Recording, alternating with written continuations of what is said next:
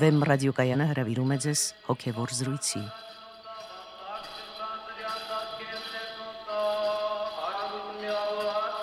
Սիրելի ունկնդիրներ, Վեմ ռադիոկայանը եթերում են արժանապատիվ Տեր Մեսրոպ Քահանա Արամյանը եւ Արա Սարգսակյան Նալչաջյանը։ Այսօր կզրուցենք երազների եւ տեսիլքների մասին։ Օրհնեցեք Տեր հայր։ Աստված օրհնի։ Տեր հայր, երազները շարունակ հետաքրքրության առարկա են եղել մարդկանց համար, քանի որ այստեղ անորոշությունը մեծ է, իսկ մարդը ձգտում է որոշակիություն մտնել ամեն ինչում։ Մարդը ձգտում է իմանալ, ինչ վերաբերմունք ունի մեր հասարակությունը երազների հանդեպ այսօր։ Այս հարցը բարձելու համար մեր թղթակից Մարիաննա Կարապետյանը զրուցել է մարդկանց հետ։ Լսենք նրա պատրաստած ռեպորտաժը։ Ասացեք, խնդրեմ, ինչ է կարծում, երազները պատահական երևույթ են։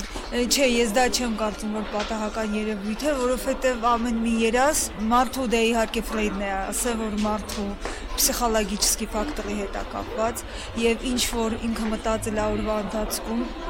դա է լինում ճիշտ ասած ես շատ եմ հավատում դե կարող է պատահել հետը դրա համար եւ Այսինքն ուզում եք ասեք, որ դուք երազների մեկնաբանությանը հավատում եք։ շատ եմ հավատում Ասացեք, խնդրեմ, ըստ ձեզ երազները պատահական երևույթ են, թե ինչ որ բանով պայմանավորված են։ Երևի թե պայմանավորված է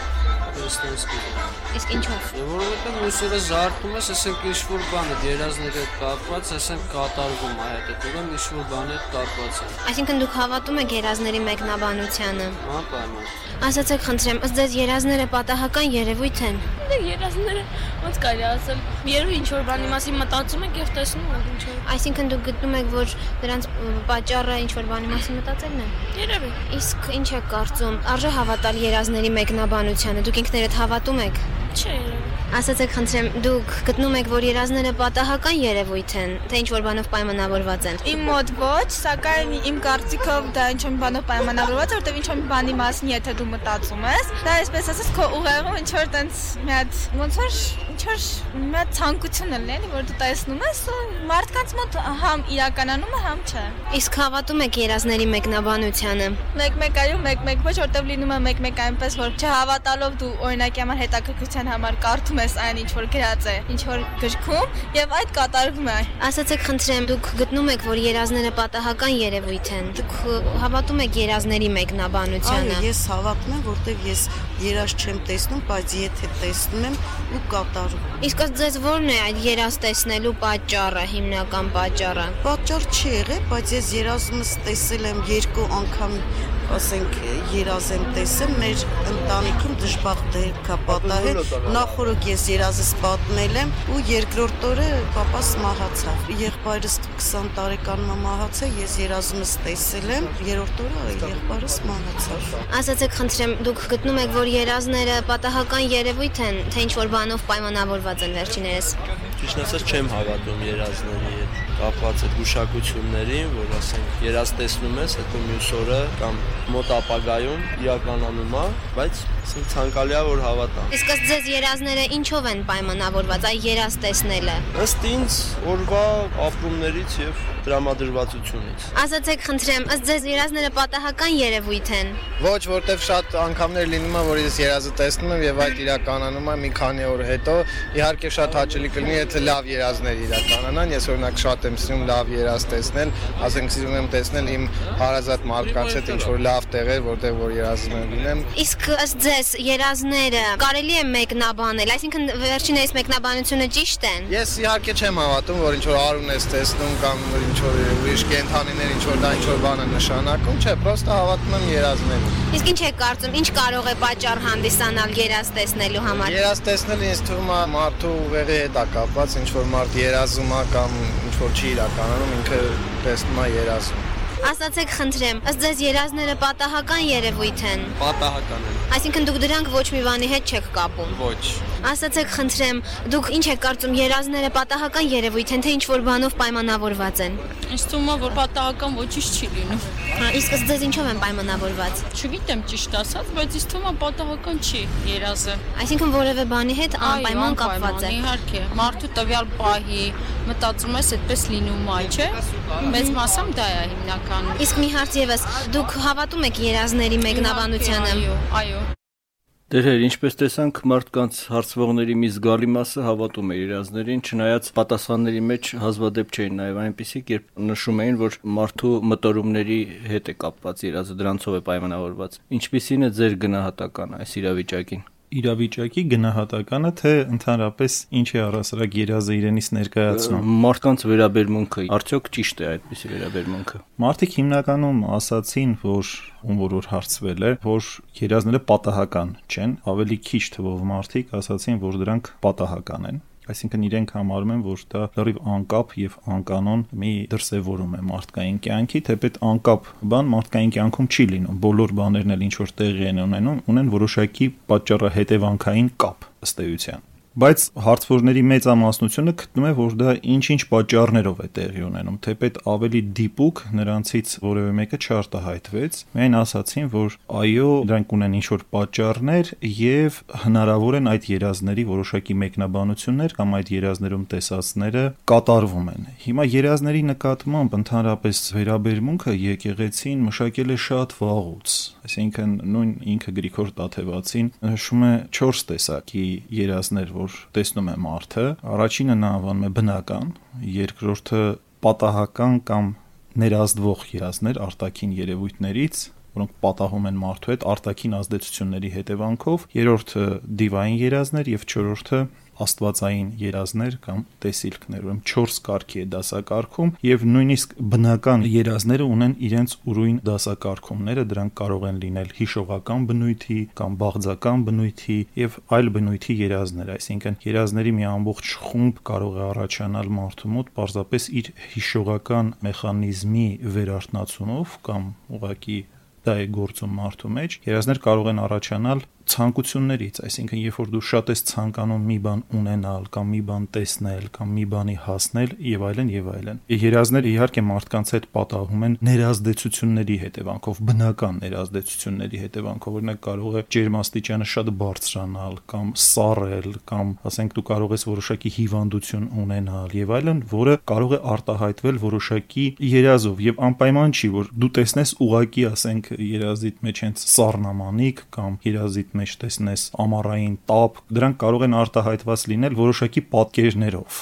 Եվ մարդիկ նույնիսկ փորձում են այդ պատկերների, այսինքն երազում տեսած պատկերների կամ այսպես կոչված սիմվոլների եւ կոնկրետ իրադարձությունների մեջ տեսնել փոխմիարժեք կապ եւ դրա վրա հիմնված է ամբողջ մի երազահանության ըստ էության ինդուստրիա, որ այսօր աշխարհում աշխատում է։ Այդպիսի բաներ արել են նաեւ շատ նշանավոր հոգեբաններ, ասենք Զիգմունդ Ֆրոյդը, Յունգը, նրանք փորձել են բացատրել երազների բնույթը եւ այդ սիմվոլիկան երազների կապելով այս կամ այն մարդու, ուրեմն ներաշխարի այս կամ այն երևույթների հետ եւ երբեմն շատ միակողմանի շեշտադրումներ կատարելով, ինչպես օրինակ մենք դա տեսնում ենք Ֆրոյդի մոտ, որ ինքը փորձում է ամբողջ մարդու երազի այդ ֆենոմենը, երազ տեսնելու այդ երևույթը բացատրաբանել զուտ սեռական դրթապաճառներով եւ անշուշտ ինքը շատ է շեղվում եւ լրիվ ուրիշ տեղում է ինքը հայտնվում։ Այս տեսանկյունից լրիվ այլ հարթության վրա է երազների երևույթը դիտում Յունգը, կապելով դա ոչ թե ասենք յենթագիտակցականի վերարտնացման process-ի հետ, այլ գերգիտակցականի, ուրեմն աշխատելու հետ, այսինքն մարդը սկսում է այսպես կոչված գերգիտակցական վիճակի մեջ մտնել։ Եվ ընդհանրապես հստակորեն սահմանել թե ինչ է քունը կամ ինչ է երազը, այդքան էլ հնարավոր չէ։ Ասեմ ինչու, որովհետև երկու մոտեցում կա։ Մենք կամ մոտենում ենք երազին այսպես, որ այսինքն մարդը անջատվում է արտաքին աշխարից եւ դա հանգստի որոշակի վիճակ է եւ այդ վիճակում կարող են մարդու հետ տեղի ունենալ որոշակի անկապ բաներ, որոնք կարող են սպոնտան արտնանալ իր անցյալից կամ իր ցանկություններից եւ այլն։ Եվ երկրորդ մոտեցումը այս է, որ ընդհակառակը մարդը մտնում է ավելի լուրջ վիճակի մեջ, այսինքն ոչ մի բան իրականում չի քնում եւ մարդու մեջ սկսում են աշխատել ավելի հզոր մեխանիզմներ, օրինակ երբեմն այդ վիճակները բնորոշվում են որպես հոգեվոր վիճակներ, լուրջ հոգեվոր վիճակներ, որ մարդը ավելի զգայուն է դառնում հոգեվոր թրթիռների նկատմամբ, հոգեվորի նկատմամբ, որովհետեւ իր արտաքին կյանքում ինքը այդքան էլ հոգևոր չէր եւ իր գիտակցությունը,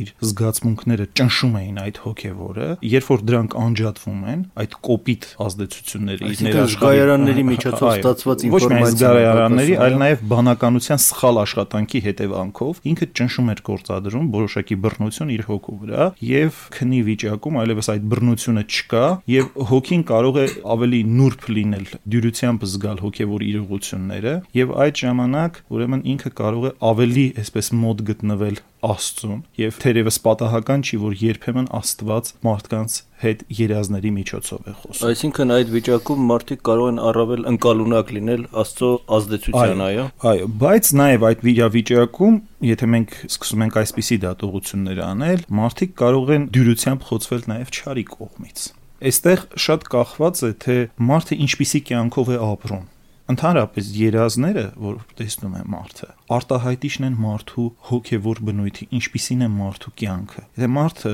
մեղավոր կյանքով է ապրում, այսինքն ոչ հոգևոր կյանքով է ապրում, ապա բնական է, որ իր երազները հիմնականում լինելու են այդ բնույթի երազներ։ Եթե մարդը հոգևոր ճանապարհով է ընթանում, ապա նրա երազների բնույթը փոխվում են եւ այլն։ Բայց երբեմն նաեւ հնարավոր են բացառիկ, ասենք, երազներ եւ տեսիլքներ այնպիսի մարդկանց կյանքում, որոնք չունեն հոգևոր գիտակցություն, ինչպես ասեցի, ընդհակառակը ճնշում են գործադրում իրենց հոգևորի վրա եւ երազով տեսնում են մի բան, որը կարող է անգամ նրանց դարձի բերել կամ դեպի ճշմարտության բերել եւ այլն։ Այսպիսի երազներ են լինում։ Երազներ կան, որ լինում են ընդհանրապես արդեն որպես հայտնություն մարդկանց համար։ Մենք Սուրբ գրքից գիտենք այդպիսի նույնիսկ անորեն թակավորները կարող էին տեսնել երազներ, այդ երազները կարող էին մեկնաբանվել հոգուտ եւ բարօրություն ժողովրդի այսօր բազմաթիվ եւ բազմազան են երազները եւ մոտեցումներն են բազմազան, բայց առանց հոգեվոր գիտակցության փորձել մոտենալ այս երազների ֆենոմենին, դրանք զուտ բացատրաբանելով ինչ-ինչ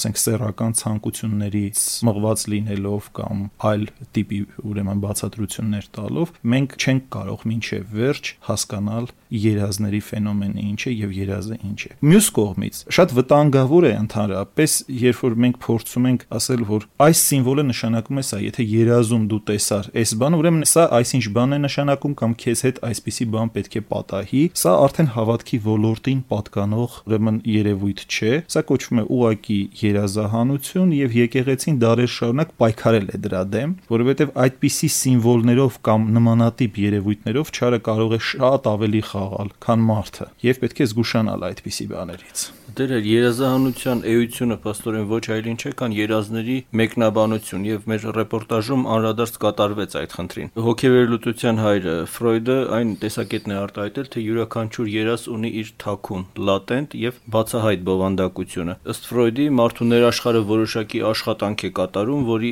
հետևանքով երազի այդ թաքուն բովանդակությունը ձևավորվում է որպես բացահայտ, որը եւ մարդը տեսնում է եւ մեկնաբանելով երազի բացահայտ բովանդակությունը հնարավոր է հասնել դրա թաքուն եւ իսկական խորքային իմաստին։ Որքանով է այս տեսակետից հոգեբանական գիտության տեսակետից հնարավոր մեկնաբանել երազները։ Գիտեք, մարդը ընդհանրապես միշտ էլ հետաքրքրություն է ունեցել երազների նկատմամբ։ Երևի դարեր շարունակ այդ մեկնաբանության զանազան մեխանիզմներ են մշակվել։ Այսինքն մարդը ինչ որ երազ է տեսել, երևի ինչ որ մի արտարոց մի բան, հարցը այստեղ երևի շատ սովորական բաների մասին չէ, այլ երազներ, որոնք տպավորություն են թողել մարդու վրա եւ մարդը փորձել է հասկանալ արդյոք սա պատահական է, թե պատահական չէ, աստծուց է, թե աստծուց չէ եւ այլն։ Եվ միշտ էլ ուրեմն գտնվել են մարդիկ, որոնք տվել են այդ երազների թաքուն, այսպես ասած, իմաստների մեկնաբանություններ երևի այստեղ ավելի շատ մարդուն հետաքրքրել է հենց այդ թաքուն իմաստները, ինչից են դրանք առաջանում։ Ես ինչպես ասացի, Ֆրոյդի մոտ գոյություն ունի այդ պատճառահետևանքային կապի բացահայտման մի մեխանիզմ, որը ամենևին էլ ընդունելի չի ոչ միայն քրիստոնեության տեսանկյունից, այլև շատ հոգեբաներ, օրինակ ասենք, նույն Յունգը ինքը չէր ընդունում այսինքն լրիվ ուրիշ ինքը հիմքի վրա էր փորձում բացատրել այդ երազների մեխանիզմը այնպես որ դա շատ նուրբ հարց է եւ երբեմն այդ հարցի մեջ մտնելով ոչ թե երբեմն այլ մեծավ մասամբ կարելի է մոլորվել կարելի է մոլորվել եւ փորձել անընդհատ ինչ որ սիմվոլներ վերագրել այսինչ բանին, ինչ որ սիմվոլներ վերագրել այսինչ բանին։ Եթե պայմանով երազը ինքը ունի բացառիկ հայտնութենական բնույթ։ Ինչպես օրինակ ճարը կարող է մեր երևակայության հետ խաղալ, այնպես էլ ճարը կարող է մեր երազական աշխարհի հետ խաղալ, որտեղ ըստ էության երազական աշխարհը շատ մոտ է երևակայական աշխարհին, այսինքն նույն երևակայական մեխանիզմով է գործում։ Անուժների աշխարհին։ Այսինքն, այո, դա պատկերային որոշակի համակարգ է, երազ ինչ է, դա պատկերներ են, որ դու տեսնում ես։ Տեսնում ես մի վիճակում, երբ որ քո աչքերը փակ են եւ մտքիդ աշխատանքը գտնվում է լրիվ այլ փուլում։ Ինքը շատ նման մտապատկերներ են դրանք դասում։ Մտապատկերային մեխանիզմ է, որը շատ նման է երևակայական մեխանիզմի աշխատանքին։ Եվ երևակայական ընդհանրապես մեխանիզմի աշխատանքը եկեղեցու հայրերը համարում են շատ կոպիտ աշխատանք շատ կոպիտ։ Օրինակի համար նրանք ասում են, որ հրաժարվիր այդ երևակայությունից, որովհետև հավատքի ճանապարհով գնալուց դա քեզ շատ է խանգարելու եւ դա շատ կոպիտ ուժ է, այլ ընդհակառակը դու հավատա Օրինակ, ասում են դու հավատա, որ Աստված ներկա է, բայց մի երևակա իր որևէ պատկերով։ Թե ինչպես է ներկա։ Թե ինչպես է ներկա։ Եվ այստեղ շատ կարևոր է, որ դու հասկանաս, որ Աստված վեր է ամեն տեսակ պատկերից, ամեն տեսակ երևակայական ինչ որ դրսևորումներից, եւ Աստված բացարձակ հոգի է։ Եվ Աստուն հնարավոր չէ պատկերացնել։ Հենց որ դու պատկերացրեցիր, արդեն դու հավատքի ոլորտից դուրս ես։ Եվ դա Աստված չէ, այնինչ դու պատկերացրեցիր։ Ինչ որ պատկերացրեցիր։ Ուրեմն պատկերացման այդ մեխանիզմը, երևակայական այդ մեխանիզմը մեխանիզմը հավատքի ճանապարհով ընթանալիս ինքը շատ կոպիտ ուժ է։ Այլ բան է սիմվոլները, Սրանք սիմվոլները կարևոր բաներ են։ Օրինակ մենք հաճախ տեսնում ենք, որ Աստված ինչ որ սիմվոլների միջոցով է հայտնում իր կամքը կամ Աստված հայտնվում է սիմվոլների միջոցով։ Հաճախ ենք դա տեսնում Սուրբ գրքում։ Շատ հետաքրքիր է դեր այլ այստեղ պետք է երևի զուգորդություն անցկացնել Յունգի ուսմունքի հետ, որը մերժելով Ֆրոյդի այդ սեռական եւ ագրեսիվ բնազդային հակումների ուսմունքը, ավելի ճիշտ ոչ թե մերժելով, այլ նվազեցնելով դրանց կարևորությունը, նշելով այդուհանդերձ, որ դրանք արկա են։ Սակայն ինքը առաջ է քաշում ուրեմն մարդու էգզիստենցիալ պահանջմունքների, այսինքն գոյության իմաստի հետ կապված խնդիրներ եւ այդ տեսակետից է դիտում սիմվոլները, դասակարգելով դրանք համամարտկային, ազգային կամ էթնիկական եւ անհատական կտրվածքներով, ինչպես նաեւ առաջ է քաշում արխետիպերի գաղափարը, որոնք նա սահմանում է որպես մարդկանց խորքային եւ վաղնջական մտապատկերներ, որոնք դրսևորվում են այդ երազներում կամ անուժներում խնդրեմ այս մասին, եթե կարելի է ձեր բացատրությունը կամ հոգևոր տեսանկյունը ավելի ճիշտ։ Յունգի այս պնդումը իրականության մեջ բավականին խորը պնդում է եւ մոտ է այն չափանիշներին կամ այն սկզբունքներին, որ կան քրիստոնեության մեջ, այո, կան ֆունդամենտալ, ուրեմն սիմվոլիկ համակարգեր, որոնք ներազդում են մարդու վրա ոչ միայն արտակնապես, երբ որ մարդը ունի որոշակի գիտակցական վիճակ, այլ նաև նրա երազական վիճակում կարող են ներազդել մարդու վրա։ Նույնիսկ մարդը գիտեք գիտակցական վիճակում անգամ ինքը հստակորեն չի ֆիքսում այդ սիմվոլների ինչ-որ բանական պատճառները եւ այլն դրանք սիմվոլներ են այսինքն ինչպես օրինակ մեզ համար սիմվոլ է մեր խաչը կամ սիմվոլ է մեր այբուբենը կամ սիմվոլ է ասենք մասիս սարը եւ այլն դրանք ամեն մի անհատի մեջ նստած որոշակի սիմվոլներ են սիմվոլներ որոնք ոչ միայն սոսկազգային են այլ նույնիսկ գերգիտակցական ոլորտի հոգեվոր ոլորտի հետ կապված նրանք առնչություն ունեն եւ այս առումով Դրանով ուրեմն այդ համակարգը անշուշտ նաև գործում է կապված չլինելով սոսկ ինչ որ բանական ինչ-որ դրսևորումների հետ, կարող է ուրեմն քնի վիճակում էլ գործել եւ իր որոշիչ ուրեմն դերը ունենալ։ Դա նաև կարող է լինել որոշակի պաշտպանական համակարգ տվյալ մարդկանց համար այդ սիմվոլները որոշակի զգուշացուցիչ բաներ կարող են լինել իսկ գալով նույնիսկ այդ սիմվոլներին կարելի ասել որ դրանցից ոմանք նույնպես տրվել են այդպիսի հայտնութենական վիճակում օրինակ ըստ ավանդության մեր այբուբենը մեզ Սոփ Մաշտոց ուրեմն տեսել է տեսիլքով, այսինքն երազում է տեսել։ Եվ երբեմն այդպիսի վիճակներում մարդկանց տրվում են այդպիսի բացառիկ բաներ։ Եվ թերևս այդ վիճակում է ինքը ստացել, որպեսի արտաքին աշխարհի որևէ ֆակտոր գործոն չխանգարի դրա մակրամանկուր ըմբռնմանը եւ վերարտադրմանը այսինքն ինքը բացարձակ կտրված լինի աշխարհիկ խանգարիչ երևույթներից բայց եկեղեցու հայրերը շատ հետաքրքիր է որ բավականին զգուշավոր մոտեցում ունեն երազների նկատմամբ ընդհանրապես տեսիլքների նկատմամբ նկատի ունենալով այն որ քանի որ մարդկային բնությունը ունի հակում եւ այդ հակումը կարելի է լինել հիվանդագին, ինչպես մենք դա տեսնում ենք շատ հաճախ, որ մարդիկ լրիվ ընկած են երազական աշխարհի գիրկը իսկ այդպես բացական բան էլ կա, չէ, երասկոտ մարդ, այսինքն ինքը արդեն կորցրել է իրականության զգացողությունը, ինքը նետվել է լրիվ այդ երազների գիրկը եւ փորձում է այդ երազական աշխարհում ինչ որ վերականգնել իր կորցրած երջանկությունը, եթե կարող ենք այսպես ֆիքսել, երազական աշխարհում գտնել այն, ինչ որ ինքը ճունի ռեալ աշխարհում։ Ուրեմն եկեղեցու հայրերը նկատի ունենալով այս հանգամանքը, իրենք ասում են, որ պետք է զգուշավոր մոտեցում լինի երազների նկատմամբ։ Բացարձակ զգուշավոր մոտեցում։ Այսինքն անգամ եթե այդ երազները ունեն աստվածային ցակում, աստծուց են, պետք չէ անմիջապես ընդունել մի բան եթե աստծուց է ինքը ժամանակի մեջ անպայման ապացուցելու է իր աստվածային բնույթը։ Ուրեմն պետք չէ նետվել տեսիլքների եւ երազների գիրկը։ Ընթակառակը որքան հնարավոր է պետք է հաստատված լինել իրականության մեջ, իրատեսության մեջ այս կոնկրետ ներկա ժամանակի մեջ, որտեղ ամեն բան վճռվում է այս պահին, նաև քո փրկության հարցը ամեն պահ վճռվում է այս պահին հենց։ Եվ այս պահին դու ունես կապ Աստծո հետ, թե ոչ։ Այս պահին դու ինչպիսի վիճակում ես ապաշխարել ես, ճանաչել ես այս ճշմարտությունները թե ոչ։ Սա է ամենակարևորը, որովհետև այդպիսի բաների տրվելով մարդը անընդհատ անցյալի մեջ է կամ ապագայի երևակայությունների մեջ է հայտնվում կտրվելով իրականությունից այսինքն դառնում է երասկոտ մարդ կամ որ ավելի վատ է դառնում սնահավատ արդեն սկսում է ամեն բան ուրեմն սա այս բանը երազում տեսա այս ինչ բանը պետք է ինձ հետ լինի եւ այլն ոչ մի բան կանխորոշված չէ Եվ նույնիսկ անգամ տեսեք, այստեղ մի կին ասաց, որ ինքը տեսել է եւ ասենք երկու օր հետո իր հայրը մահացել է եւ այլն։ Յունգի մոտ սա պարզապես կոչվում է սինխրոնիզացիայի մեխանիզմ։ Այսինքն սովորաբար մարդիկ, որոնք իրար մտերիմներ են, իրենք ոչ միայն բառային կերպերով, այլ վերբառային կերպերով զգում են մերձավորների հետ կատարվող որոշակի երևույթներ։ Դա կարող ես ոչ միայն քնի մեջ զգալ, այլ նաև արթմնի վիճակում կարող ես այդպիսի բաները զգալ։ Եվ երբեմն դրանք արտահայտվում են երազներով, այսինքն դու երազում տեսնում ես այն, ինչը տպավորվել է քո մերձավորի հետ շփվելու հետևանքով քո մեջ, բայց որը ֆիքսված չէր քո մոտ բառային կամ վերջնական կերպերով կամ բացատրված չէր։ Եվ հանկարծ դու դա զգում ես Եվ դա շատ բնական բան է, այսինքն մարդիկ իրար մոտ լինելով եւ մերձավոր լինելով կարող են զգալ մեկ-մեկու ավելի խորը, ասենք միմյանց լինի զգացմունքները, մտածությունները եւ այլն եւ նաեւ վերահաս այդ վտանգի զգացողությունը կարող են ունենալ։ Ուրեմն դա այսպես գոյություն ունի մերձավորների զգացողությունների որոշակի սինխրոնիզացիա, որ դու զգում ես ինչ է կատարվում քո մերձավորի հետ եւ այստեղ նույնպես ոչ մի արտառոց երևույթ չկա։ Երբեմն զարմանալի բաներ են տեղի ունենում նաև երբ մարդու ուղակի տրամաբանական մեխանիզմը կարող է, ասենք որոշակի երազական վիճակում ավելի պայծառանալ։ Օրինակ, ասենք մարդ մտածում է մի որևէ խնդրի վրա, այդպես պատահել է եւ կան շատ պատահած այդպիսի դեպքեր, որ որևէ խնդրի վրա մտածելով, ասենք ֆիզիկայի կամ մաթեմատիկայի ինչ-որ խնդրի վրա ինքը չի գտնում դրա լուծումը եւ երբ որ ինքը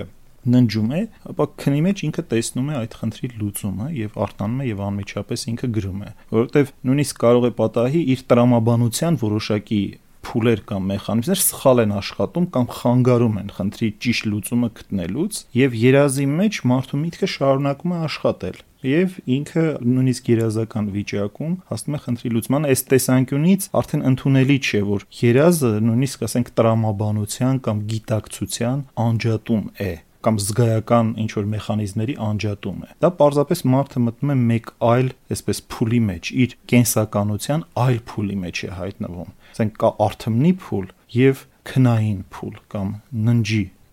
նինջի փուլ։ Ուրեմն երկուսն էլ կարևոր են եւ չենք կարող ասել երբ է մարդը քնած եւ երբ է արթուն։ Ինքը կարող է արթուն լինելով լինել շատ ավելի քնած եւ քնած լինելով ինքը կարող է շատ արթուն լինել։ Տերը երևի պետք է ասել, որ միշտ չէ, որ այդպես ուրեմն քնած վիճակում կարող է մարդ ինչ որ ճիշտ լուծումներ գտնել կամ իրականության ինչ որ ճիշտ բացահայտումներ անել։ Օրինակ, ինձ հետ պատահել է դեպք, երբ Աստվածաշունչը կարդալիս արդեն երեկոյան պարկած ես ննջել եմ եւ ննջելուց հետո մտովի կարծես շարունակել եմ ընթերցել այդ աստվածաշունչը նույնիսկ էջը թերթել հաջորդ էջին եմ անցել բայց այդ ամբողջը երազում եւ հետո երբ որ առավոտյան արթնացել եմ եւ ես հիշում էի ինչեր եմ կարդացել երազում այսպես ասած եւ կարդացի իրական աստվածաշունչը բոլորովին այլ բաներ գրված գրքում ես արդեն ասացի որ ինչպես արթուն վիճակում չարը կարող է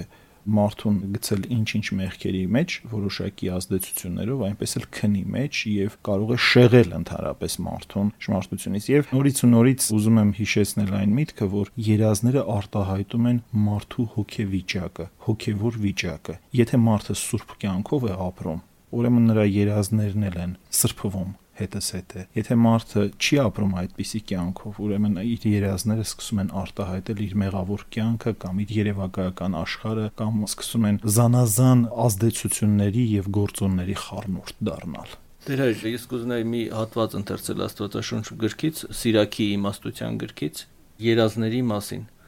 Դատարկ եւ սուտ են անմիտ մարդու հույսերը, անուժները թևավորում են անզգամներին Ով հավատում է երազներին, նա նման է մեկին, որը փորձում է բռնել ստվերը եւ վազել քամու հետևից։ Ինչպես ունայն է դեմքի անրադարձը դեմքի դիմաց, այնպես էլ երազներ տեսնելը։ Պիղծ բանից մաքուր բան չի լինի, եւ սուտ բանից ստույգ բան։ Ունայն են այն գուշակությունները, նշաններն ու երազները, որ երկնում է բանդագուշակի սիրտը, եթե դրանք բարձրալից չեն առաքված։ Մի տուր քո սիրտը դրանց, քանզի շատերին մոլորեցրին երազները, եւ դրանց վրա հույս դնողները խոտորվեցին։ Ուրեմն ինչպես զանազանել ճշմարիտ աստվածային երազները ճարից կամ սեփական անձից բխող երազներից։ Դե ճշմարիտ աստվածային երազները կամ հայտնությունները դրանք այդքան հաճախակի երևույթներ չեն այսինքն իսկապես եթե դրանք տեղի են ունենում մարդու կյանքում, դա բացառիկ ցնցում է առաջացնում մարդու կյանքում։ Այսինքն հնարավոր չէ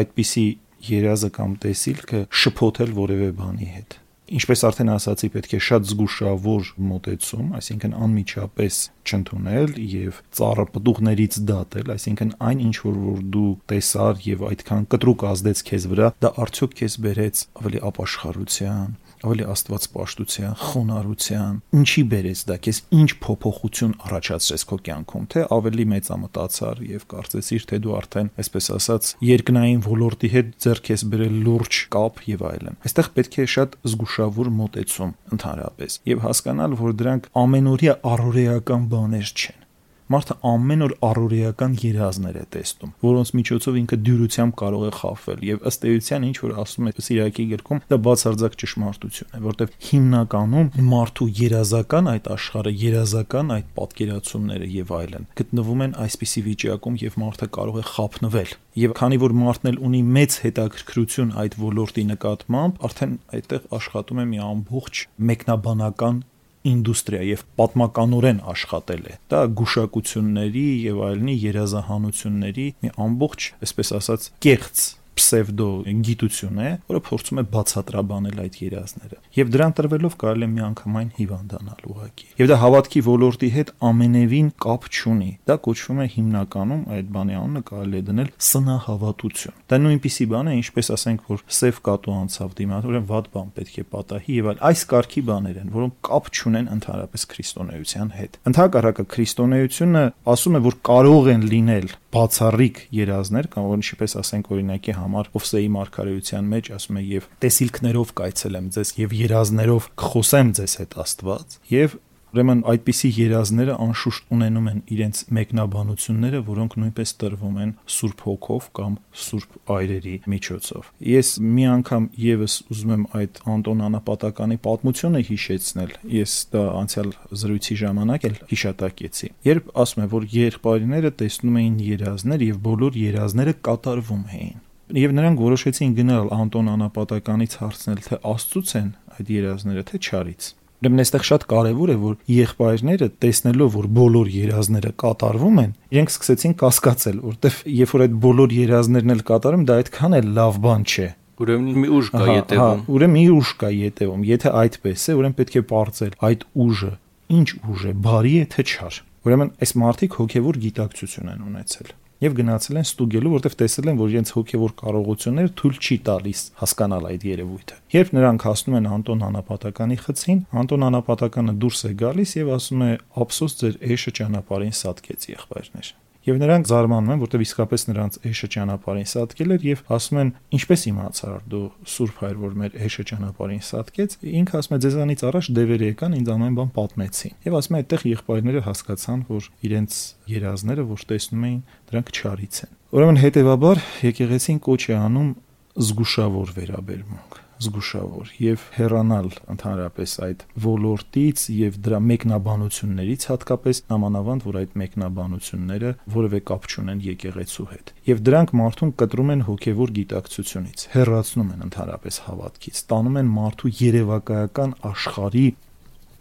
ակտիվացման Մարդը ընկնում է ուղակի երևակայության մեջ այլևս, կորցնելով ռեալիզմի, ռեալության, իրականության զգացողությունը, աստծո իրական գոյության զգացողությունը, աստծո ներկայության զգացողությունը։ Աստծո ներկայության մեջ արդեն չկա երևակայություն։ Դեր այժմ եթե կարելի է համառոտաբար անդրադառնանք նաև տեսիլքների խնդրին։ Սուրբ Գրիգոր Տաթևացին ասում է, որ Աստվածային երազը կոչվում է նաև տեսիլք։ Սակայն առհասարակ ընդունված է տեսիլք կոչել արթմնի վիճակում տեսնվողը, երբ մարդ արթմնի վիճակում է ինչ-որ բան տեսնում մտապատկեր եւ այլն։ Եվ Սուրբ գրքում Հովելի մարգարեության մեջ ասված է. «Եվ կլինի այնպես, որ սրանից հետո իմ հոգուց կհեղեմ ամեն մարմնի վրա, ձեր տղաներն ու աղջիկները կմարգարեանան, ձեր ծերերը երազներ կտեսնեն եւ ձեր երիտասարդները տեսիլքներ կունենան։ Ուրեմն ի վերջո ինչ է տեսիլքը։ Տեսիլքը կարող է իհարկե լինել եւ արթմնի վիճակում,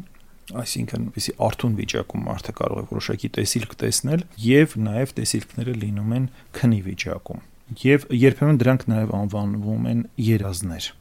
երազական տեսիլքներ են անվանվում բայց տեսիլքը երազից տարբերվում է իր կտրուկ հայտնութենական բնույթով եթե մենք խոսում ենք աստվածային տեսիլքների մասին եւ ինքը շատ կտրուկ է արտահայտված խիստ որոշակի падգամով եւ անմիջականորեն երբ որ մարդը արթնանում է ինքը հասկանում է որ ինքը տեսել է որոշակի տեսիլք եւ որ իրենից որոշակի բան է պահանջվում համաձայն այդ տեսիլքի այսինքն դրանք ունեն շատ հստակ ընդգծված պատկեր եւ նման չեն այն երազական խառը վիճակներին, որը մարդու հետ շատ ավելի հաճախ է տեղի ունենում, այլ կտրուկ առանձնանում են այդ վիճակներից։ Իրենց ներազդեցությամբ եւ իրենց նաեւ падգամի հստակությամբ եւ բերում են մարդու խիստ որոշակի փոփոխության այս տեսանկյունից տեսիլքը ինքը առանձնանում է երազից եւ տարբեր բնույթ ունի ու սովորաբար ընդհանրապես երբ մենք ասում ենք տեսիլք, մենք հասկանում ենք այդ աստվածային բացառիկ հայտնությունները, որոնք տրվում են ինչ որ պատկերավոր կերպով,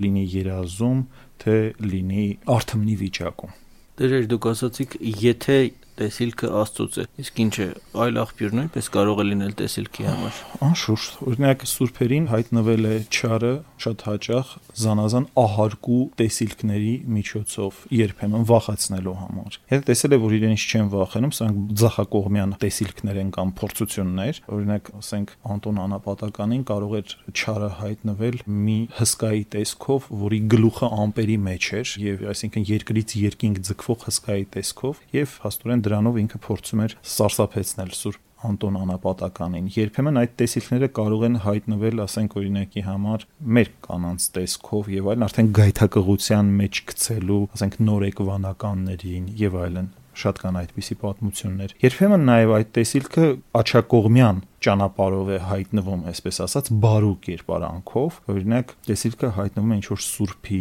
կամ աստծո հրեշտակի կերպարանքով, որպեսի դու ընդունես, թե դու բացառիկ աստվածային հայտնություն ես ստացել եւ ընկնես ճարի գիրկը, եւ այստեղ շատ է նշվում, թե ինչպես են հայրերը աղոթքով եւ խաչակնքվելով, այսինքն նորից անմիջապես չընդունելով, որ այդ տեսիլքը աստվածային բնույթ ունի, հասել նրան, որ բացահայտվել է այդ տեսիլքի բուն դիվային էություն, այսինքն այսինքն տեսիլքները կարող են լինել նաև դիվային։ Իսկ հնարավոր է որ ոչ աստծոց, ոչ ճարից, այլ սեփական անձից բխած ինչ որ անձը պատճառ լինի այդ տեսիլքի ցակման։ Իհարկե, կարող է, եթե օրինակ ասենք մարդը ունի շատ սուր երևակայություն եւ շատ է ցանկանում ինչ-որ մի բան իր կյանքում, դա կարող է այնքան սուր արտահայտված լինել իր երազների մեջ, որ դա ինչ-որ տեսիլքի նույնիսկ դրսևորում ունենա։ Արդյոք հալյուցինացիան չէ դա չեմ կարծում ոչ այսինքն հալյուցինացիաները դրանք արդեն այլ վիճակներ են որոնք արդեն սովորաբար լինում են ինչ որ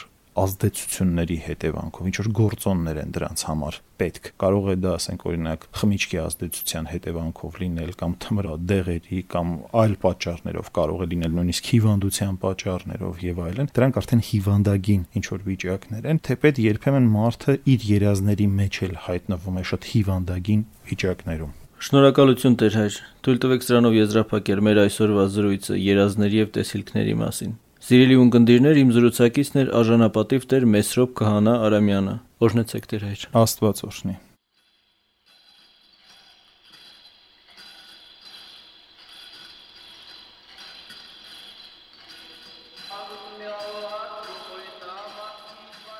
Հոգևոր զրույցներ հաղորդաշարի հերթական հաղորդումը վարեց